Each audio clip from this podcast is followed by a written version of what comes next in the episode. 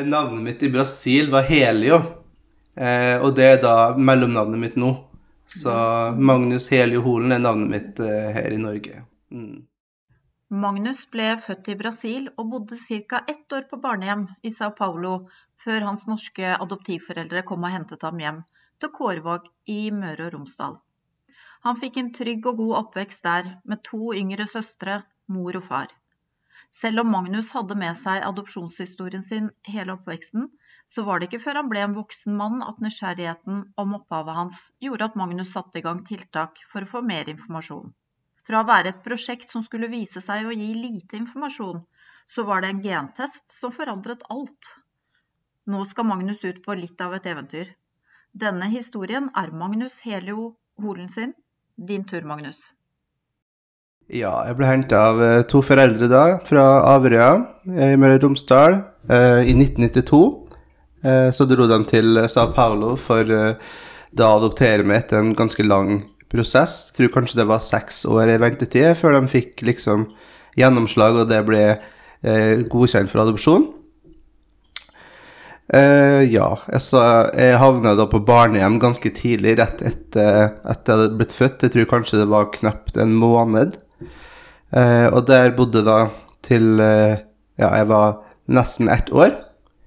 Eh, og havner da på et lite sted som heter Kårvåg. Veldig liten plass og på ei ganske lita øy med få innbyggere. Det bor sånn nå I dag bor det 5700 der.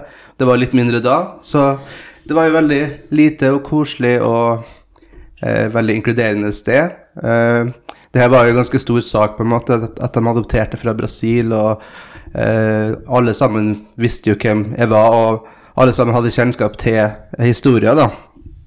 Eh, så jeg ble veldig godt tatt imot, og har alltid følt meg eh, inkludert og trygg i, i oppveksten. Eh, det, det, er veldig liten plass. Eh, så jeg er veldig glad for at jeg vokste opp der, men jeg visste jo at jeg ikke kom til å bli eh, boende der resten av livet, for jeg hadde litt eh, større lyst til å oppleve ting eh, som man ikke får på sånne plasser, da. Så da ble det liksom eh, videregående i Molde. etter det så dro jeg på folkehøgskole i Levanger. så dro jeg til militæret Håkonsvern i Bergen i førstegangstjenesten. Og etter det så ble det egentlig til Fredrikstad. På, det var helt random, egentlig. bare så en annonse på Facebook og bare sånn Hm, Fredrikstad høres jo greit ut. Det er liksom i nærheten av Oslo og litt større. og sendte jeg melding til bestevenninna mi bare 'Skal vi flytte til Fredrikstad?' um, så gjorde vi det. Og begynte å studere reiseliv i Fredrikstad. Uh, og gjorde det i ett år. Og etter det så eh, jobba jeg for Apollo i et år som reiseleder i Helse Spania. Og etter det så eh, ble det tilbake til Norge igjen, da, og så snakka jeg med pappa på telefonen og bare sånn eh, Ja, hva skal du gjøre nå? Nei, jeg har ingen aning. eh, men han sa liksom bare at ja, du kan i hvert fall ikke komme hjem igjen, for du kommer til å gå på veggen etter ei uke. Og det hadde han jo temmelig rett i, da, fordi det er som sagt altfor lite, og altfor lite som skjer, så jeg trengte litt storbyimpulser. Og da er det jo Oslo som ble det naturlige valget. Når du kom på barnehjem i Brasil, eh, var du der hele første leveåret ditt? Ja, det var jeg. Um, ja, jeg tror jeg kom dit eh, ja, kanskje tre-fire uker etter jeg ble født. Så havna jeg på barnehjem. Um, min eh, tante, eh, biologiske tante da, og onkel hadde lyst til å adoptere meg. De prøvde på det, i hvert fall, og skrev masse til dommeren og sånne ting eh, for å prøve å adoptere meg, men de hadde et barn fra før som de egentlig ikke greide å ta vare på. Eh, som da gjorde at de fikk avslag i søknaden om å få adoptere meg, da. Eh, og det er veldig rart å tenke på det, hvordan ting kunne vært hvis det, hvis det hadde skjedd, da, og at jeg ikke hadde havna med mamma og pappa her i Norge. Eh, så det er jo en veldig rar tanke. Har jeg fått det spørsmålet mange ganger, liksom sånn Ja, hvordan tror du du hadde eh, vært da hvis du hadde vokst opp der? Så er det er et veldig vanskelig spørsmål å svare på, fordi man er jo bare seg sjøl, på en måte. Man kan liksom ikke se for seg at, at du skal være en annen person, da. Men eh, så klart, eh, omstendigheter og miljø og alt mulig sånn hadde jo kanskje forma meg annerledes enn det det har gjort her i Norge. Eh, jeg fikk også da to adoptivsøstre som kom etter meg. Eh, først eh, Daniela, og litt etterpå så kom eh, ei som heter Ana. De var biologiske halvsøsken, da. Eh, så mamma og pappa fikk spørsmål da etter nummer to om de hadde lyst på en til. Eh, og det sa de ja til. Er dere fra samme by? Alle dere tre? alle vi kommer fra Sao Paulo, eh, og alle, dem, alle, vi, alle vi tre bodde på barnehjem, da. Mm. Hvordan var det i oppveksten deres? Hadde dere mye Brasil i og med at alle tre er fra Brasil? Var det noe tema hjemme? Altså, det var ikke noe sånn utprega tema, akkurat. Jeg kjente ikke så veldig mange adopterte. Eh, det var noen fra Colombia, og så var det eh, på samme øya, da, eh, som var adoptert fra Colombia, og så var det noen jeg kjente som bodde på Aukra utenfor Molde. De var også, Han ene i hvert fall var adoptert fra Brasil, så vi hadde litt sånn kontakt med dem eh, i oppveksten, og var liksom sånn venner på grunn av det, på en måte. Eh, men bortsett fra det så har det egentlig ikke vært noe sånn utprega eh, sånn stemning for det, skulle du si. Jeg har jo satt jo og så på Tore på sporet med familien hver lørdag, ikke sant, og fikk spørsmålet ja, hva tenker du om det her, har du, har du tenkt på det her, har du lyst til å finne ut det, liksom? Og da fikk jeg jo egentlig Jeg fikk litt sånn Nei, jeg har ikke behov for det. Det er liksom Jeg har alt jeg trenger her, på en måte, og eh, hadde ikke det behovet for å grave mer etter det, da, på det tidspunktet. Um, så ja. Du var jo så liten når du kom til Norge, men søstrene dine hadde de språk? Eh, hun eldste hun var vel sånn fire, tror jeg, når hun kom. Så hun var ganske stor, så hun hadde jo begynt å fått litt språk. Det var mye sånn tulubem og liksom sånn enkle obrigader og sånne ting. Men bortsett fra det så var det ikke noe mye språk å hente der heller. Det som er morsomt med din historie, er jo at du, eh, når du ble voksen, at du begynte å lete litt. Ja, Da skjedde det mye spennende. det gjorde det faktisk. Nei, eh, jeg prøvde å liksom gå den eh, naturlige, eller den vanlige ruta som jeg alle er kjent med fra før, liksom via TV-program og sånn. Sendte inn til Tore på sporet, eh, redaksjonen der, og fikk svar fra Tore Strømme da, at det var eh, mindre produksjon av episoder nå, og kanskje min sak ble valgt ut eller ikke, men jeg skulle få beskjed hvis det var tilfellet, da. Eller ikke. Eh, fikk eh, ikke noe mer svar der, hørte ingenting. Eh, så gikk jeg til TV 2, eh, sporløs, og ble liksom tatt inn i eh, den prosessen der, var å snakke med, med psykolog eh, på Montgomery eh, for å bli liksom klarert, for å sjekke om eh, psyken min var liksom klar for en sånn eventuell påkjenning, da. Eh, så var det, gikk litt tid, gikk kanskje sånn nesten et år. Eh, Så fikk jeg forespørsel om at jeg måtte signere en fullmakt, fordi eh, kontaktpersonen i Sør-Amerika hadde da eh, lokalisert kontoret der hvor adopsjonspapirene mine var. Signerte det og sendte inn. Hørte ingenting derifra heller. Det ble helt stille etter utallige mail og meldinger. Jeg prøvde å ringe kontaktene jeg hadde i TV 2 i produksjonen, men jeg fikk ingen svar på hva de hadde funnet, eller om de hadde funnet noe i det hele tatt. Eh, prøvde da enda en ny, ny metode, fordi når jeg bestemte meg for en ting, så ble jeg liksom Ja, nå må jeg må fullføre, liksom. Jeg vil Når jeg har starta, så må jeg bare bli ferdig. Så tok jeg en sånn uh, My Heritage-test, DNA-test, for da å kanskje finne noen som hadde tatt testen i min familie, da. Det var sånn uh, Ja, nåla i høystakken, egentlig. Eh, så tok det to uker fra jeg sendte inn den testen til laboratoriet til jeg fikk svar, liksom. Jeg bare Yes, nå har jeg endelig fått svar. Nå har, jeg- funnet familien min, liksom. Tenkte jeg, da. Um, så gikk vi inn på DNA-testen og sjekka, så får du jo opp sånn etnisiteter du har liksom blanda i DNA-et ditt, da. Og jeg var jo veldig eh, internasjonal, kan du si. Det var Europa, Sør-Amerika, til og med litt skandinavisk og afrikansk og hele pakka. Eh, og så har du jo sånn eh, Du får opp eh, prosent DNA du deler med andre, da. Så står det sånn storfamilie, kjernefamilie, liksom. Og så bare på kjernefamilie sto det null. Altså, jeg hadde jo egentlig ikke forventa å finne noen, men man blir jo skuffa likevel, på en måte. Selv om man ikke bør gå og håpe for masse. For det var jo veldig eh, usannsynlig at de hadde tatt en sånn test, fordi det kosta litt, ikke sant. Og man tar seg ikke råd til sånn hvis man har dårlig råd fra før, på en måte. Eh, men jeg tok kontakt med to stykk da, som jeg delte mest DNA med, og dem som administrerte det. da, En som heter Rafael, og Ubirajara. Og skrev at liksom Hei, mitt navn er Magnus. Jeg ble adoptert fra Sao Paulo i 1992. Uh, har dere kanskje hørt om denne historien her? Uh, I familien deres kan dere sjekke familietreet om det eventuelt er noe å hente der, da. Um, ingenting kommer fra det heller. Så uh, måtte jeg da sende inn papirer til en sånn et kontor i Sao Paulo, et delstatskontor i Sao Paulo, som de fant, da, som hjalp meg å finne riktig sted å sende inn til. Uh, bare skrevet sånn Hei, mitt navn er Magnus Solen, ble adoptert i 1992 og søker da innsyn i min adopsjon og ønsker tilgang på adopsjonspapirene mine. Eh, igjen så måtte vi vente litt, da, så klart. Som vanlig. Det tar jo lang tid. Og det her var jo i 2018. Eller, når var det? Jeg sendte inn. Det var 2019 jeg sendte inn, faktisk. 2019 ble det. Og så kom jo koronapandemien. og stoppa alt av ja, reise, og liksom Folk ble ja, permittert, og ting stoppa helt opp, på en måte. Og produksjonen med Sporløs ble jo da kansellert.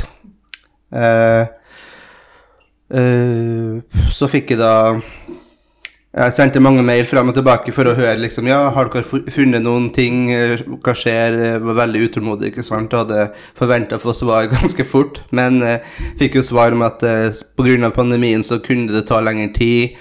Det er ikke sikkert papirene mine finnes lenger, kanskje de har blitt flytta på eller blitt ødelagt, eller Ja. Så det var liksom sånn, ja, du, må, du kan ikke være helt sikker på at vi klarer å finne papirene dine, da. Og da var Sporløs helt borte, liksom, for de hadde bare kutta ut hele Ja, de hadde kutta kontakten. Ja. Så da var jeg på en måte på egen hånd igjen, da. Ja. Var jeg. Um, og så gikk det jo litt over to år, da. Eh, Jeg skulle på skolen på Oslo Mett, som jeg studerer barnehagelærer på deltid. Jeg Gikk på skolen og liksom jeg Hadde en helt vanlig dag, egentlig. Skulle bare sitte og følge med i timen og åpna, mailen og bare så sånn fra det kontoret som hadde sendt inn til, da. Bare 'Gratulerer, vi har funnet din biologiske familie'. Og jeg bare satt der liksom helt målløs og bare sånn eh, hva, hva skjer nå? Hva, hva er det her for noe?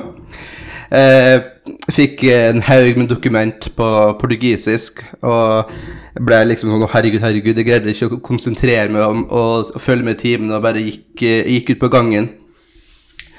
Um, og så har jeg da ei venninne fra Portugal uh, som bor i Thailand. Uh, så jeg sendte mail til henne bare Å, hallo, hallo, du må hjelpe meg å oversette. Jeg klarer Eller så jeg greide ikke å fokusere i det hele tatt. Kunne bare brukt Google Translate, liksom. Men jeg ville på en måte ha litt mer sånn konkret og personlig, da. Så jeg ringte hun liksom bare Hei, jeg så meldinga di. Uh, jeg kan snakke nå, liksom. Det går helt fint.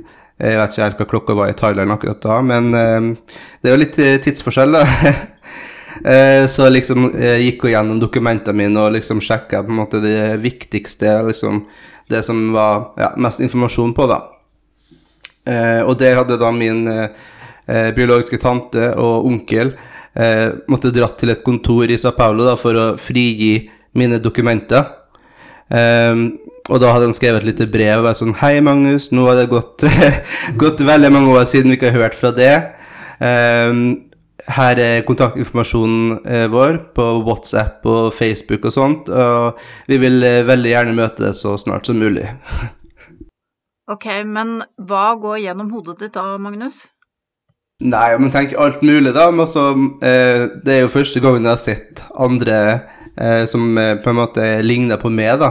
Jeg har aldri sett det før, så det var sånn Jeg trodde Onkelen min Oi, shit, han ligner veldig masse på meg, men han er jo ikke min biologiske onkel. Det er jo tanta mi som er det. Så jeg begynte liksom Hm, det var noe, kanskje, det, kanskje det er pappaen min, eller altså, Det var all, Alle tankene bare gikk gjennom hodet, ikke sant. Eh, de bor da i Sao Paulo. Eh, som er da en ganske stor by med sånn 20 millioner innbyggere, nesten. Eller jeg vet ikke helt hvor mange det er, men det er i hvert fall mange millioner. 12-13, kanskje. Jeg er litt usikker. Men det er en er litt større hva skal jeg si, eh, del av verden enn det vi bor i, i her i Oslo og Norge. Og da skrev du rett og slett en mail, da, eller du fikk svar? Eh, da skrev jeg bare til eh, tanta mi på WhatsApp. Eh, de bruker jo WhatsApp veldig masse i Sør-Amerika, så det er på en måte der kommunikasjonen starta, da.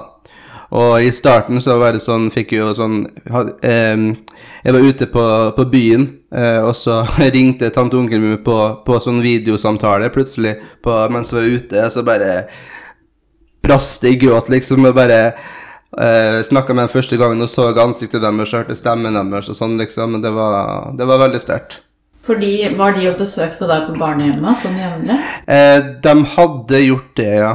Ehm, og det hadde vært noe dramatikk rundt det, tror jeg, fordi de hadde fått beskjed om at de ikke hadde fått lov å oppsøke meg ehm, på det første barnehjemmet jeg var på.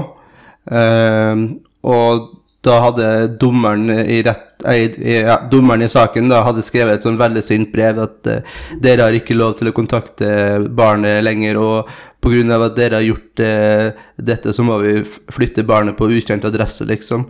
For de var, jeg tror de var litt redd for at de skulle bli kidnappa eller noe sånt. Um, så ja, de hadde prøvd å ja, få tak i meg og sett, på meg, sett meg og møtt meg, liksom, da. Det hadde de. Og da når du får kontakt med dem, så viser det seg at du har jo ganske mye familie der.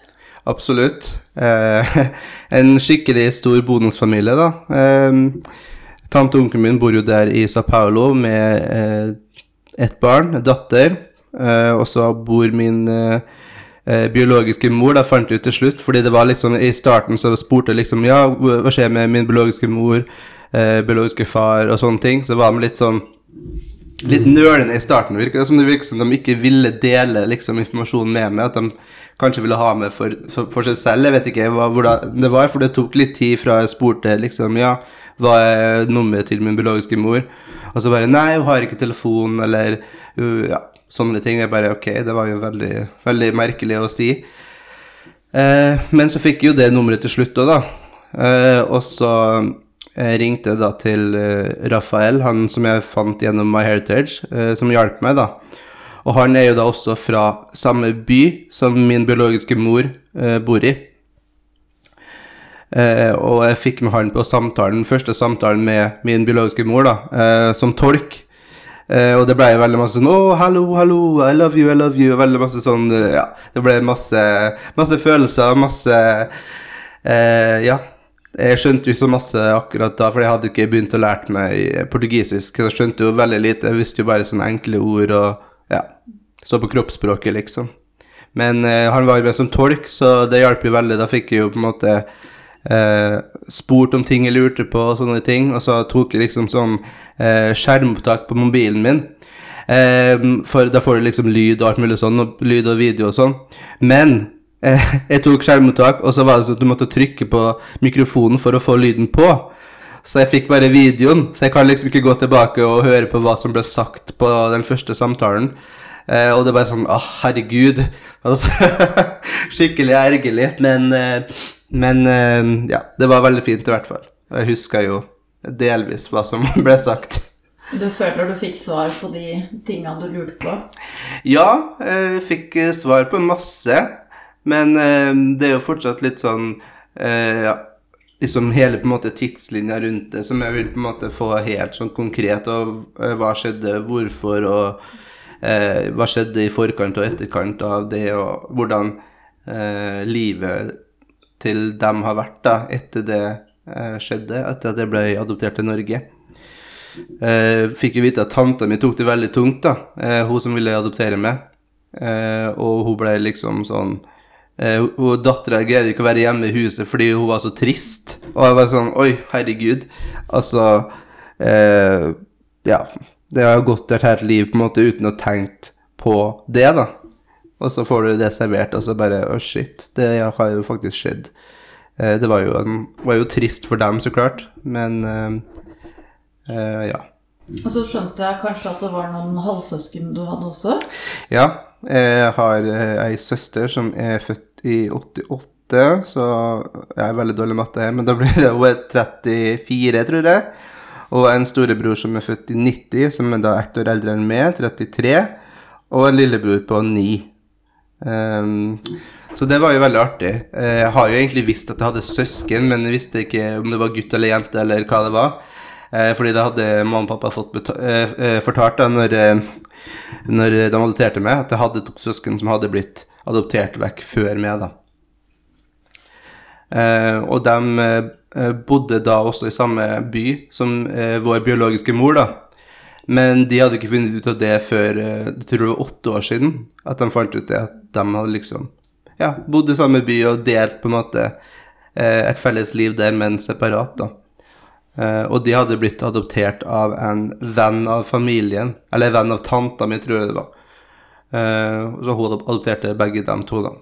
Men lillebroren din bor hos moren din? Lillebror bor hos moren. Hun har fått seg en ny mann, vet ikke om hun er gift, men i hvert fall en ny mann da, og et nytt barn.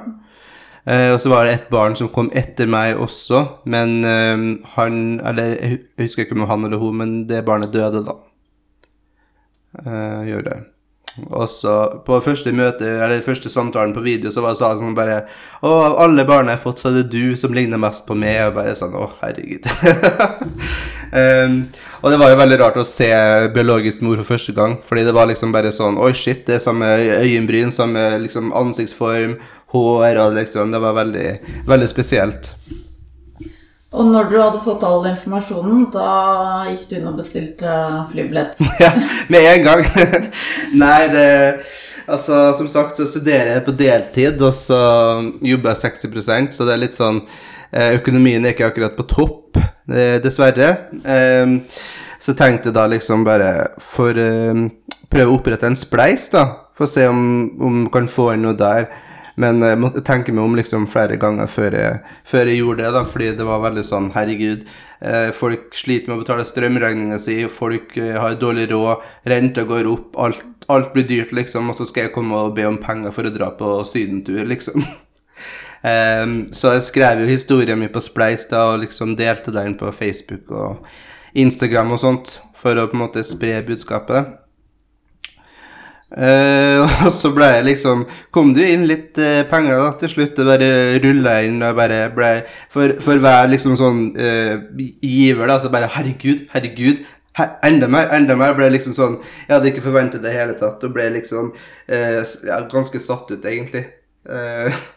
fordi jeg hadde ikke trodd at jeg skulle få til å dra Eller få nok penger til å dra på reise før studiet var ferdig, egentlig. Men nå drar du? Ja. ja, det er lenge. Det føles lenge, men det er ikke så lenge til. Det blir, eh, det blir i påska, da. Åssen har du forberedt deg til sånn reise? Ja, hvordan Ja, hvordan kan man forberede seg på det? Nei, altså eh, Jeg holder på med språklæring daglig, da, med Duolingo-appen på mobilen, som eh, jeg syns fungerer veldig bra. Jeg kan litt spansk fra før, siden jeg bodde i Spania, så jeg lærte meg litt, men jeg brukte jo mest engelsk. Så det er språkappen Duolingo som har på en måte hjulpet meg på, på veien, da. Og så har jeg en sånn, eh, sånn tastatur på mobilen. Jeg skriver inn på engelsk, og så trykker på en knapp, så blir det oversatt til portugisisk. Så bruker jeg Google Translate når jeg får svar tilbake, og så kopierer jeg inn, limer inn, og så sender. jeg. Og så, ja. Sånn går det, da. En sånn evig runddans der, da. Det som er fint med din historie, er jo at uh, i og med at du hadde en tante og onkel som var veldig interessert i å beholde deg, du har jo alltid noe positivt å komme tilbake til, uansett hvordan historien ellers uh, skulle vært. Det er jo veldig fint. Ikke sant. Det er jo, det er jo altså Man jo, har jo tenkt på det i livet, liksom bare Ja, hva var det som egentlig skjedde? Var liksom er man uønska, ikke sant? Var, en, var, det en ulempe at, det, at, man kom inn i livet til eh, familien, ikke sant. Og alt skjer jo for en grunn. Eh, så det var jo ikke lett for noen, så klart, eh, i den situasjonen. Har du fått kontakt med de andre som ble adoptert bort i Brasil også, søsknene dine? Eh, ja, det har jeg snakka Snakka en del med Leonardo, som er da storebroren min. Eh, lillebroren min snakker jeg også litt med. Han har begynt å lære seg engelsk nå, da, eh, pga. at eh, ja, han vil kunne kommunisere. Eh, og han er jo ni år, så det er jo en veldig bra alder å lære seg språk på. Så det er jo veldig bra at han føler at han kan ta det steget, da, og sånn, eh, ta initiativ til det. Så det er morsomt. Eh, Men personen jeg snakker mest med, er egentlig min biologiske tante som bor i samme hus da, som min bi- eh, biologisk mor. Fordi biologisk mor kan ikke skrive eller lese. Analfabet. Så det blir jo videreformidla til henne via eh, tanta mi, søskenbarnet mitt eh, og onkelen min har begynt å snakke en del med nå. Eh, Så får hun liksom sånn Hun får oppdateringer om meg da via andre, og så Eh, hvis lillebroren min ringer på video, så kommer hun alltid innom og vinker og sier sånn 'Å, hei, du er så fin', eller 'Hei, hei, fint å se deg', liksom. Og, så ja. Det er sikkert det blir en fantastisk reise, men nå er det sikkert også ganske emosjonell. Ja, jeg har jo snakka med ei, da, eh, senest i går, om eh, reisen der, da. Hun var med på Sporløs. så spurte ja, hva liksom, hva var det verste eh, i selve prosessen å reise di mens du var der. Eh, og da hadde hun fortalt meg at det var så masse tøffere enn hun hadde på en måte forberedt seg på. Og hadde eh, forberedt seg veldig godt mentalt. Og at hun hadde veldig sterk syke, liksom, men at det hadde gått veldig inn på henne. da.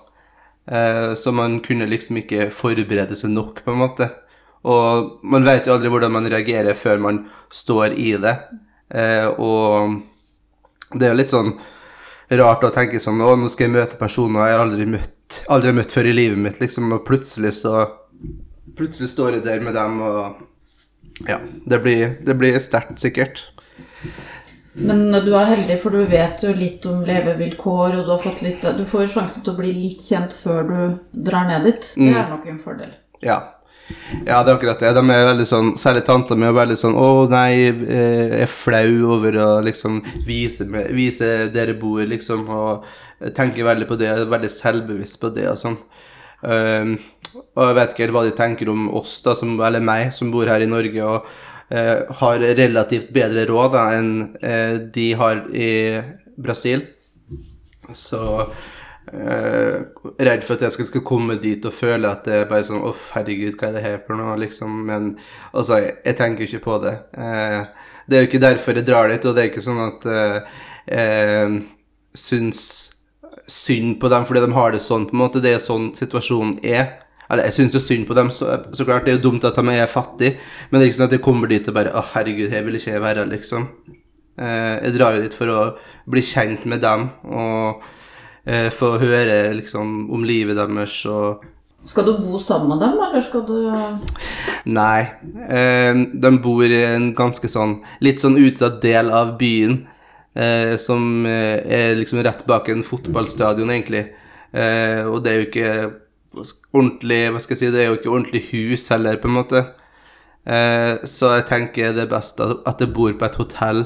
Eh, med tanke på trygghet og sånn, fordi det, det er en del kriminalitet i den byen der. Og hvis man kommer dit som Altså, nå ser jeg jo ut som en brasilianer, da, så det er jo en fordel. Eh, men du kan ikke gå rundt der med sånn Kan ikke gå rundt med klokke eller eh, en dyr mobil eller eh, dyre klær, f.eks. Du bør jo på en måte prøve å blende inn i eh, miljøet der, da. Har du tenkt å reise litt rundt mens du først er der?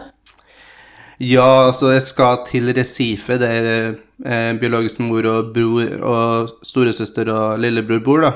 Eh, det er dit sånn primært jeg skal reise til, men eh, jeg har jo lyst til å dra til Sao Paulo, der jeg på en måte er født også, da, og møte biologisk tante og onkel, eventuelt betale flybilletten deres for å komme til oss, da, i Recife. Men jeg har lyst til å dra til Sao Paulo også, for jeg har jo vært der eh, da jeg hentet adoptivsøstera mi også, når jeg var fem år.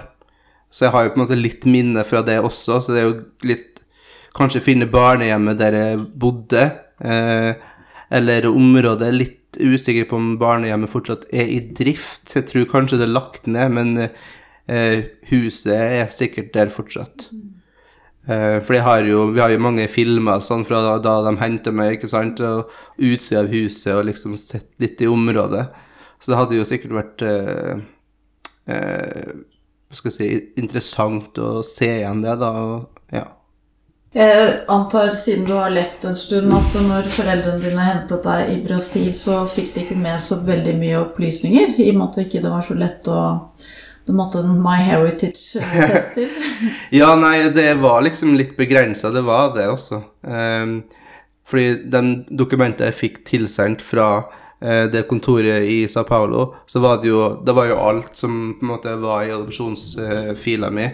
Uh, alt som har noen gang ja, vært opp som tema, da, var der. Mens den mappa som jeg har sett i, som vi hadde hjemme i huset, da, eh, var ikke så utfyllende. Eh, det sto liksom Jeg tror kanskje det sto etternavnet mitt og sånn, men eh, det var liksom litt manglende informasjon, egentlig. Eh, jeg tror det, i hvert fall. Fordi da hadde jo sett det før, kanskje. Jeg vet ikke. Eh, Er det derfor du tror kanskje det stoppet opp med sporløst og sånt også? At det blir litt vanskelig å finne papirer, rett og slett? Altså, de hadde jo funnet liksom kontoret der papirene var, men jeg tror egentlig at eh, Jeg tror selskapet gikk konkurs under korona. Jeg tror det var det som stoppa hele prosessen. Men eh, det som jeg syns er kritikkverdig, da, er at jeg ikke fikk eh, informasjon om hva de hadde funnet eh, eller ikke funnet. da.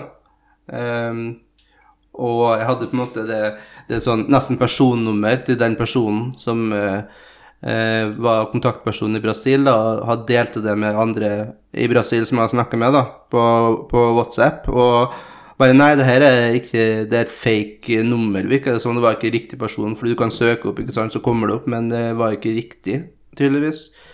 Ehm, så det er litt rart, eller litt sånn eh, hvem har tilgang på informasjonen min? Liksom, hvem, kanskje de deler det med folk som ja, ikke bør ha det, f.eks., eller ja. Så egentlig så har du hatt veldig flaks som tok den testen. Ja, Ja. egentlig. Og det som er litt sånn eh, rart, at verden er jo veldig liten. Eh, og en av de to personene jeg snakker med, Rafael, han var jo fra Recife. Og han hadde jo gått forbi huset til mora mi tusen ganger. han bare sånn eh, 'Jeg tror jeg vet hvor mora di bor.' Fordi han eh, eh, Fotballstadion er jo rett foran huset.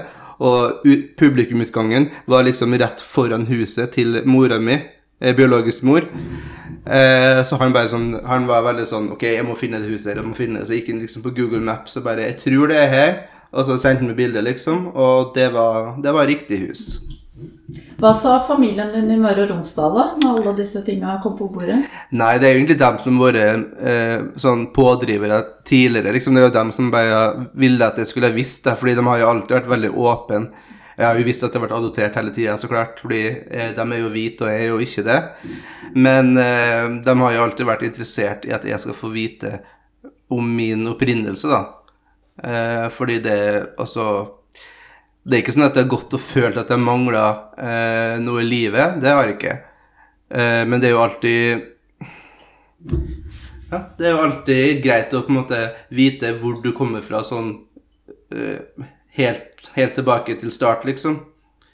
Eh, og mora mi var jo veldig ung da hun fødte meg, hun var jo 22. Eh, og min biologiske far, eh, som vi bare vet fornavnet på, var 17. Så det var jo litt eh, aldersforskjell der. Og han, hvis han lever fortsatt i dag, da, så er han jo 48. Eh, og mora mi ble akkurat Eller biologisk mor. Jeg, jeg blander alltid, sier alltid mora mi biologisk mor. Det er litt av og på. Men biologisk mor da er 54, tror jeg. Noe sånt. Men eh, ja, mamma og pappa ja, eh, i Norge, da, eller mamma og pappa, eh, har jo alltid bare vært sånn Ja, du må, du må gjøre det her for deg sjøl, du må finne det ut, liksom. Og vi støtter deg uansett, og det har de egentlig gjort i alt jeg har gjort i, i livet. De har bare sånn stått bak meg og heia på meg, liksom, og ja, vært ja, sykt heldig med dem to, faktisk. Så ja. Ja, det er godt. Men ser du annerledes på Brasil og tradisjon og kultur og sånn etter at du har begynt å finne ut mye informasjon? Altså, jeg gjenkjenner meg jo mer i på en måte, kultur og væremåte eh, nå, som jeg på en måte har funnet røtter og sånn. Men jeg har jo alltid følt at jeg har hatt sånn At jeg ikke har vært Hva skal jeg si? Eh, som jeg liker å si, som et kinderegg, ikke sant? Brun på utsida og hvit inni. Eh, litt sånn eh, Jeg har jo vært eh, veldig interessert i musikk. eh, sang spesielt. Dans. Eh, gjort alt mulig. Og ja, hatt litt sånn rytme og drevet med sånne ting. Som jeg tror kanskje da stammer fra det. Jeg vet ikke helt, men eh, ja. Og ja, vi husker vi hadde en film som heter 'Brasils hjerte' på VHS. Som mamma og pappa hadde kjøpt, det, for det var liksom sånn Ja, her er liksom om Brasil, og det var en veldig fin film og sånn. Jeg husker ikke så masse av den, så jeg må se den igjen snart. Men eh, jeg husker det var liksom Ja, nå har vi kjøpt en film om Brasil, og her kan du se, liksom. Og så får du liksom se på en måte, og høre språket som de snakker i Brasil, og få litt sånn lite innblikk, da. Ja, for der er man jo forskjellig når man på en måte oppfatter eh, bakgrunn. Mm. Eh, for jeg ser hun min på 13 har først begynt liksom å oppdage det nå. Ja. Altså Colombia har bare ligget baki der eh, som en naturlig del, sånn som det gjorde for deg. Mm. Men så plutselig så kommer det et eller annet som vekker eh, interesse. Ikke sant? Søstrene dine, er de litt misunnelige på at du skal reise over? Altså, jeg ringte og snakka med dem liksom eh, typ uka etter eller noe jeg fant dem, så eh, snakka på FaceTime, da, så ble jeg jo veldig rørt, ikke sant, og herregud, så bra for det, og, eh, og det var så artig, og var veldig sånn, var glad for at jeg fant mine, da. Men eh, så spurte jeg, ja, er du interessert, eh, hun mellomste, da, er du interessert i å finne dine, liksom? Men hun er litt sånn mer nølende på det, fordi hun og hennes eh, halvsøster da, kom fra et litt, var litt andre kår. Eh, det var annet en del rus inne i bildet, og da hun yngste var i magen, så var mora eh, veldig alkoholisert, tror jeg, og sikkert andre rusmidler også, som da har påvirka eh, hun i ettertid. Så jeg tror hun er litt mer sånn redd for å eh, for å se hva som fins, eller om de fins lenger i det hele tatt, på en måte. Er du tryggere i deg selv til å treffe disse beslutningene nå enn da du f.eks. var eh, 18? Ja, jeg tror nok ikke jeg har vært moden nok da jeg var 18. Eh, og da var det egentlig ikke på en måte oppe, oppe som en tanke engang, nesten. Eh, da var jeg bare vanlig norsk ungdom, liksom, og eh, var, var på fest, var på videregående, eh, gjorde ting, ja, var russ, ikke sant? Det var liksom ikke sånn så veldig viktig for meg akkurat da. For i ungdomstida så vil man jo på en måte bare, ja, ja, ha det, ha det artig og liksom, ja, leve livet da. Ja, for Vi snakket om det litt på forhånd, eh, for det er jo mange debatter som går nå på det med utenlandsadopsjon. Mm. Uh, har du følt deg annerledes og utenfor i oppveksten? Ja, altså jeg skal ikke lyge om det å si at jeg ikke har følt meg annerledes. Og jeg har jo fått liksom bemerkninger som 'å, neger', liksom. Eh, Da jeg startet på barneskolen. Altså jeg tror kanskje at jeg trodde at jeg var hvit fram til jeg startet på barneskolen. Men så kom det jo liksom sånn slengkommentar fra kanskje én person, da. Neger, og bare Oi, å ja, ok, er det det? Eh, Men eh, jeg har alltid hatt, eh, hatt eh, gode venner, veldig mange gode venner, som fortsatt er venn med den dag i dag. Eh, Så jeg har- liksom alltid vært eh, heldig sånn sett, og har vært på en måte beskytta. Fordi alle sammen som bodde i gata mi da vi gikk på samme skole, det var jo bare én barneskole. Eh, og hvis det liksom var noe som oppsto, så kom det liksom noen og steppa inn og liksom forsvarte meg, da. Så eh, ja. Eh, det var egentlig veldig lite av det. Altså litt, på, litt sånn grums på ungdomsskolen, liksom, men det er ungdomsskole. Jeg husker bare ene læreren sa sånn Ja, grunnen til at de her gjør sånn, er for at de er sjalu, på en måte. liksom, Fordi at jeg var Jeg, jeg tok det jo litt sånn til meg, men det var ikke sånn at jeg, var- at jeg satt hjemme og grein over det, liksom. Og jeg tenker det at eh, det at det har vært, eller er, annerledes, har på en måte vært eh, en styrke òg, da. Eh, fordi jeg har jo på en måte hatt de samme privilegiene som hvilken som helst annen norsk eh, person. Eh, og har liksom aldri Man blir jo dømt på utseendet, hvordan man ser ut, men også har egentlig ikke stått Det har liksom ikke vært noe stort hinder for meg, da. Jeg var liksom var leder i ungdomsrådet på eh, ungdomsskolen og var litt sånn litt innom politikken der. Det var morsomt og vært valgt som leder og sånn. Og bare ja, ja, kult. Første liksom brune lederen, eller ja, who knows. Og som sagt har jeg eh, venner som jeg har hatt eh, helt fra barneskolen fortsatt den dag i dag. Bestevennen min Torgeir bor i Lillestrøm, eller på eh, Rælingen. Eh, og vi møtes eh, ja, ukentlig. Eh, jeg skal faktisk møte ham etterpå, vi skal dra på quiz. Eh, og vi har jo vært bestevenner siden ja, første klasse. Og som var da, det var i 1996. Så ja. Hva med det savnet og tapet som mange debatterer om dagen? Har du følt på det? Eh, savn Jeg vet ikke om du kan kalle det savn. Det er vel mer nysgjerrighet, egentlig. Fordi jeg har aldri følt at jeg har uh, mangla noe i måte, livet mitt. Så det har ikke vært et savn på sånn måte. Men et, mer et sånn eh, ønske om å finne på en måte, Er det andre i verden som ser ut som meg? Hvem ligner jeg på meg? Hvem har jeg fått temperamentet mitt fra? Hvor uh, har jeg fått det fra? ikke sant? Egenskaper man på en måte kanskje arver fra foreldrene sine, da, som uh, man lurer på. Uh, så det har jo på en måte Og det å finne dem og sett liksom Å, oh shit, vi er, vi er veldig like. Uh, Storebroren min og meg syns vi ligner, veldig masse, og søstera mi ligner, og liksom ser, ser samme trekk og sånn, og på biologisk mor også er det jo sånn Det er jo kommer jo fra en plass, og det, det er jo på en måte trekk som er der, da, som jeg ikke har sett før.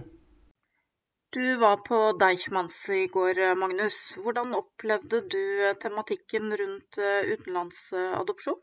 Ja, temaet er jo veldig aktuelt om dagen, og det var jo på en måte en samtale, ikke en debatt. Man var på, vi var på Deichman. Eh, satt i salen, og det gikk veldig fint for seg og sånn, men jeg kjente at pulsen var ganske, ganske høy. Eh, uten at det på en måte gjorde noe spesielt. Satt bare rett opp og ned og fulgte med på eh, diskusjonen de hadde. og det det viser jo mange ulike sider om samme sak. Det er jo 20 000 utenlandsadopterte i Norge, og det vil da si at det er 20 000 eh, individuelle historier. Og alle sammen har jo på en måte rett på sin historie og føler det de føler.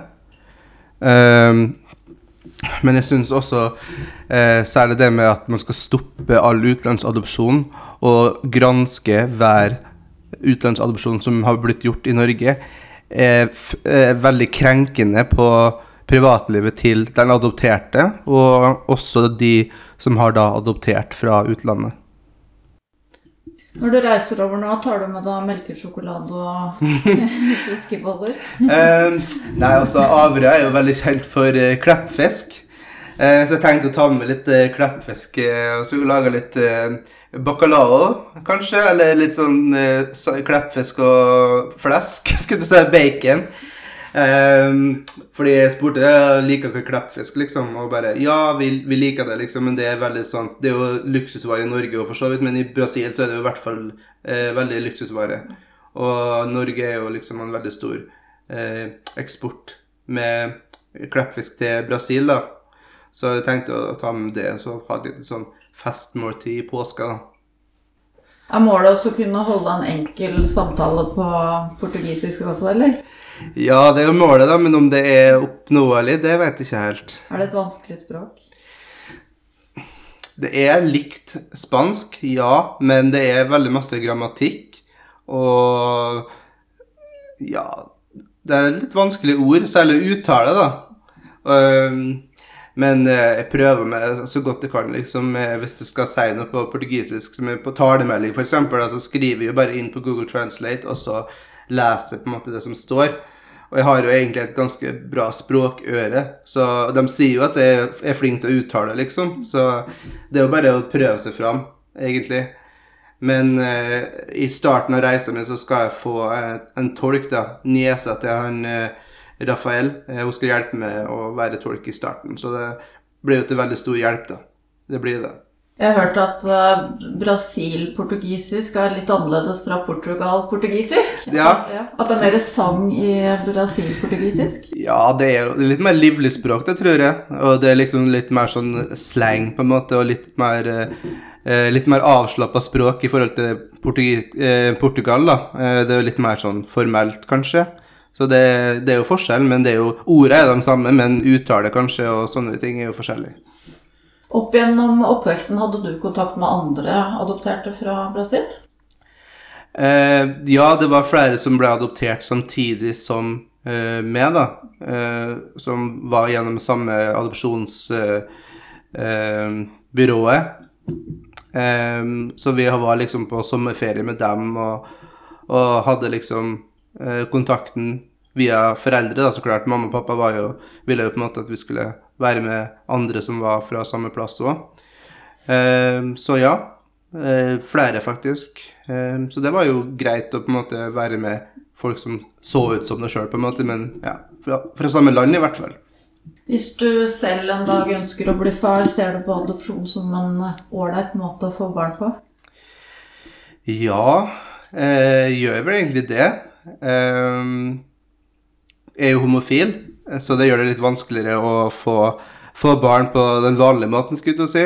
Eh, adopsjon eller surrogati eller Jeg har ikke Akkurat nå så er jeg ikke på en plass i livet der jeg føler at jeg har tid til et barn. Fordi når du først skal få barn, så må du sette livet ditt sjøl på pause. Eh, og liksom prioritere barnet først i alt, ikke sant. Eh, og du, du, er jo mor selv, så du vet jo at det er masse jobb.